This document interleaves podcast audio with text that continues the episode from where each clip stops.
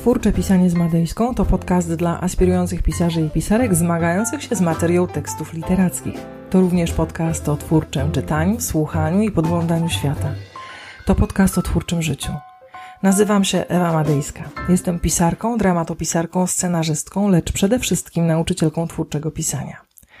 Dzisiaj w czwartym odcinku podcastu o faktach i fikcji w literaturze. Mój mąż jest bardzo dobrym słuchaczem. Słucha wszystkiego, co mówię, zazwyczaj z uwagą i szacunkiem, pod warunkiem, że nie ogląda wojennych filmów lub seriali, ponieważ jeżeli akurat ma przelotny romans z Netflixem, mogę mu wyznać miłość, zagrozić rozwodem, powiedzieć, że jego ulubiony sernik się przypalił, że sąsiad po raz trzeci w tym samym tygodniu śpiewa sam sobie 100 lat w towarzystwie Zenka Martyniuka. Mogę mu powiedzieć wszystko, on tego nie usłyszy. Ten sam mąż jednak w każdy piątek rezygnuje z randki z szeregowcem Ryanem i czeka na kolejny odcinek tego podcastu, mojego podcastu, chociaż wątków wojennych w nim przecież nie ma. Przynajmniej na razie. Tak czy inaczej po ostatnim nagraniu powiedział: Nie mów tak, jakby wszyscy ludzie wiedzieli o co chodzi w pisaniu. Z wyrzutem to powiedział. Tak. Wszyscy ludzie, czyli kto? Przycisnęłam go od razu. Ja, odrzekł. Mm, bez przesady chciałam odpowiedzieć. Wszyscy to ty, no bez przesady, ale zamiast tego zapytałam, czego nie zrozumiałeś? Oczywiście podejrzliwie, ponieważ inteligencji mężowi akurat nie brakuje. Zamilkł, zawahał się, zmarszczył brew, mm. a ja poczułam się tak, jakbym właśnie weszła na pole minowe, poczułam się jak szeregowiec Ryan, czekałam na wybuch. O punktach widzenia mogłabyś powiedzieć dokładniej. Ludzkim głosem o narracjach, o tych wielokrotnych i jednokrotnych, o tych wiesz? No, odetchnęłam z ulgą, bo wiem. Chciałam mu wyjaśnić, że mówienie o narracji wiąże się integralnie z mówieniem o postaci literackiej. Mówienie o postaci literackiej wiąże się z mówieniem o fabule. Mówienie o fabule wiąże się z mówieniem o strukturze. Mówienie o strukturze wiąże się z mówieniem o punktach zwrotnych, momentach kulminacyjnych i klimaksie. Mówienie o punktach zwrotnych, momentach kulminacyjnych i klimaksie wiąże się z mówieniem o napięciu i konflikcie. A mówienie o napięciu i konflikcie wiąże się na przykład z mówieniem o dialogu, ale przecież nie tylko, ponieważ napięcie i konflikt organizują nie tylko dialog, Organizują właściwie każdy element powieści. I tak dalej, i tak dalej, i tak dalej, właściwie bez końca, bo pisanie to tak naprawdę myślenie właściwie o wszystkim. Nie można zająć się tylko i wyłącznie jednym elementem powieści, fabułą albo bohaterem. No nie. Trzeba myśleć o wszystkim. Nawet żeby się odczepił, mąż, którego lubię, powiedziałam tak. O narracji opowiem dokładnie, ale przy najbliższej okazji. Obiecałam mu, tak, obiecałam. Z przykładami, upewnił się, z przykładami. Kiedy tym razem on mnie przycisnął? Kiedy o tym opowiesz? Jak sądzisz? Co odrzekłam? Nie powiem ci teraz. Powiem ci na końcu. Bo teraz powiem ci o tym, co interesuje większość, a może nawet wszystkich słuchaczy, wszystkie słuchaczki moich warsztatów na początku twórczej drogi. Zatem, na pierwszych zajęciach w każdej właściwie grupie wypływają takie kwestie jak po pierwsze, fakty czy fikcja, po drugie, fakty w fikcji, po trzecie, fikcja bez faktów. Zatem, po pierwsze, fakty czy fikcja? Wiesz, czym są fakty. Nie muszę ci tego tłumaczyć.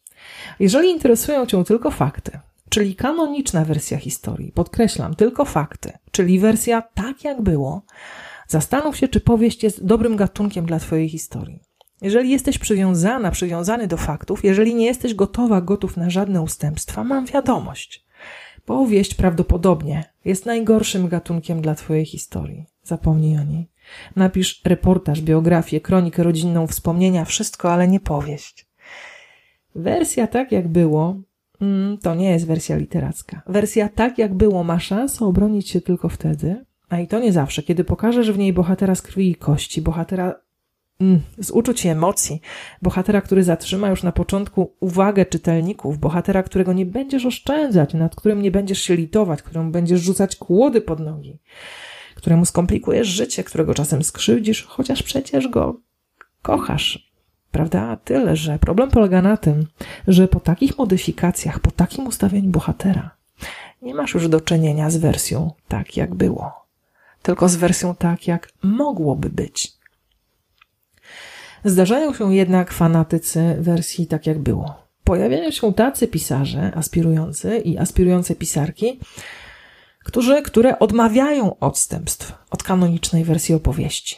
Pamiętam uczestniczkę moich warsztatów, nazwijmy ją Mariola, która przyszła na zajęcia z gotowym, jak jej się wydawało, pomysłem. Ten pomysł dotyczył rodzinnych uwikłań w wielką historię. Miejscem akcji była e, wschodnia Polska na przełomie lat 40. i 50. ubiegłego wieku, a bohaterką babcia Marioli. Opowieść miała w sumie naprawdę ogromny potencjał dramaturgiczny, pamiętam ją, wymagała jednak od autorki dwóch rzeczy.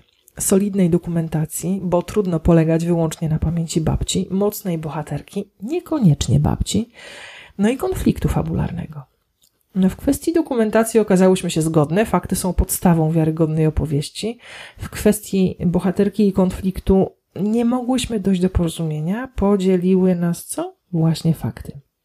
Za każdym razem, kiedy pytałam, do czego prowadzi ten albo tamten wątek, słyszałam od Marioli, że to zależy. Od czego zależy, pytałam. Od tego, co pamięta babcia. W ogóle bardzo ciekawa kwestia, czy to, co pamięta babcia, jest faktem, prawda? No ale. Kiedy próbowałam się dowiedzieć od Marioli, jaką rolę ma do odegrania ten albo tamten bohater, okazywało się, że żadną, może niewielką. Więc co ten oberwaniec na miłość boską robi w powieści, zapytałam pewnego razu. Ponieważ babcia mówiła, odrzekła Mariola, że spotkała takiego po drodze z Lublina do Przemyśla. No i co wydarzyło się w trakcie tego spotkania? Zapytałam. No nic. Więc dlaczego o nim w ogóle wspominasz? Bo babcia się go przestraszyła. Naprawdę spotkała takiego mężczyznę, tłumaczyła Mariola. Nie miał ręki, nie miał nogi. No i co z nim? Zapytałam. No, no nic. A gdyby okazał się przedwojennym narzeczonym babci, uruchomił się we mnie, wiesz, tryb myślenia, co by było gdyby? Nie, odpowiedziała Mariola, bardzo poważnie odpowiedziała tak. To niemożliwe. To nie mógł być przedwojenny narzeczony babci. Dlaczego? A gdyż babcia wyszła za mąż przed wojną. Mm. No właśnie, przed wojną wyszła za mąż. Więc w takim razie może ten oberwaniec to jej mąż kombinowałam. Wyobraź sobie, że twoja babcia spotyka dziadka po pięciu czy sześciu latach rozłąki pod przydrożnym dębem, pod którym kiedyś on wyznał jej miłość. Widzisz scenę? To niemożliwe.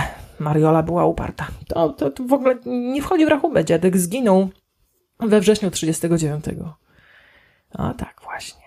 Próbowałam jeszcze kilka razy grać z Mariolą, w co by było gdyby. Mariola twardo upierała się przy tak jak było, no i na mnie wyszło. Odpuściłam. Odpuściłam, bo to nie moja opowieść, tylko Marioli. Pewnie chcesz wiedzieć, jak się skończyła ta historia i dobrze i źle. Dobrze, ponieważ starsza pani, z tego co wiem, wciąż żyje, cieszy się zdrowiem i świetną pamięcią i źle, ponieważ fabuła o jej wojennych i powojennych perypetiach nigdy nie powstała. Z powodu przywiązania autorki do wersji tak, jak było. Posłuchaj. Kiedy zaczynasz pisać lub już piszesz, nie myśl o tym, jak było. Mm, znaczy myśl o tym, ale w granicach rozsądku. Przede wszystkim skup się na tym, co by było. Co by było gdyby?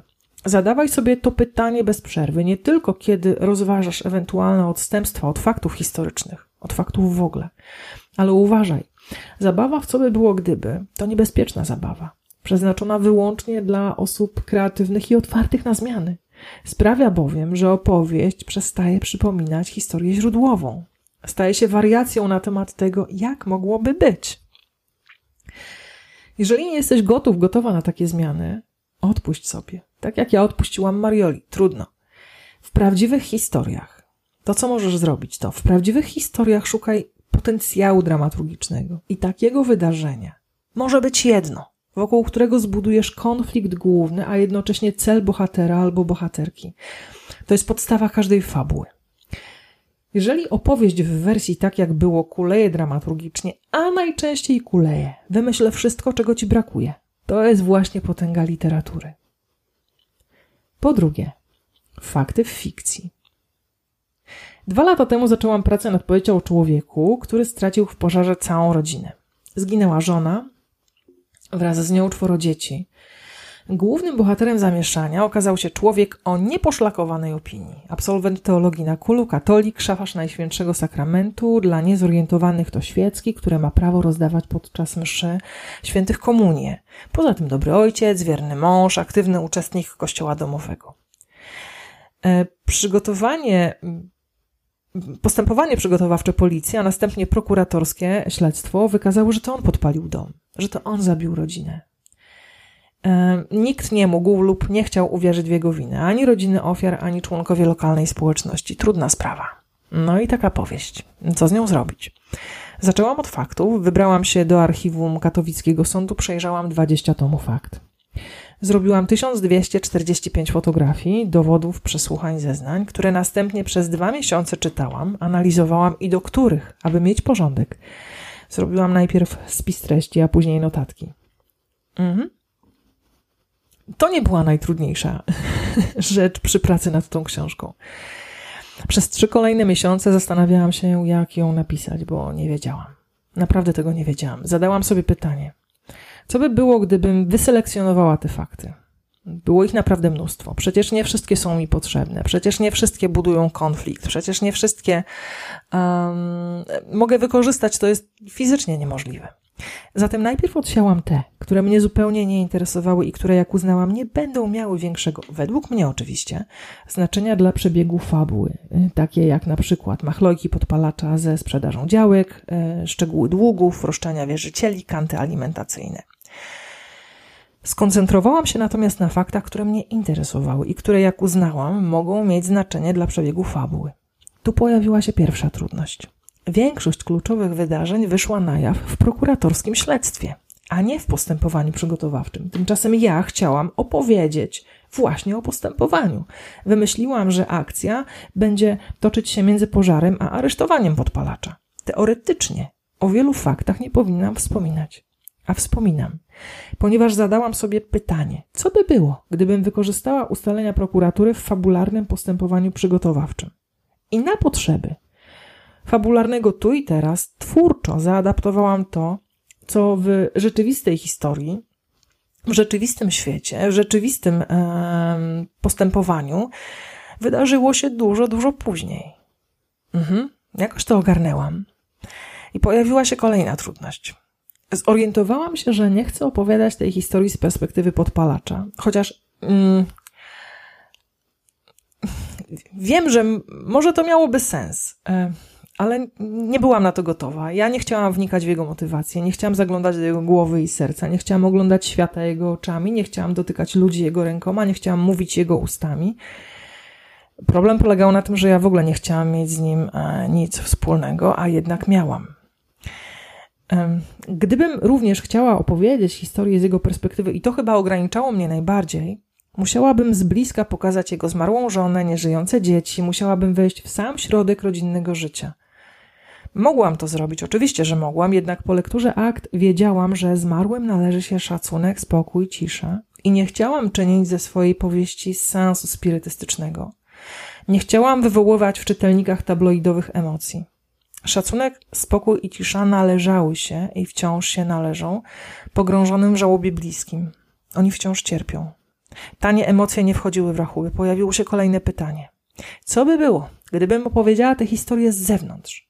Odsunęłam podpalacza na dalszy plan, chociaż wciąż pozostaje głównym bohaterem, wokół niego krążą wszystkie wydarzenia. Wymyśliłam trzy bohaterki, które są blisko z nim związane, każda z innego powodu. Każda z nich widzi go inaczej, każda ocenia go inaczej, każda myśli o nim co innego, każda chce od niego czego innego, ale uwaga, to jednak, co widzą w podpalaczu, w protagoniście, co o nim myślą, czego od niego chcą, znalazłam w aktach lub jak wolisz, w faktach, w protokołach zeznań wielu świadków. Trzy bohaterki powstały z kilkudziesięciu postaci tak naprawdę, z kilkudziesięciu zeznań. W rodzinie O której akcja, też mojej powieści, której akcja toczy się na przełomie 68-69 roku, pozostałam wierna wyłącznie faktom historycznym i okołohistorycznym, takim jak wystrój wnętrz, samochody, moda, papierosy, zapałki, szereg innych szczegółów. Tylko. Całą resztę wymyśliłam.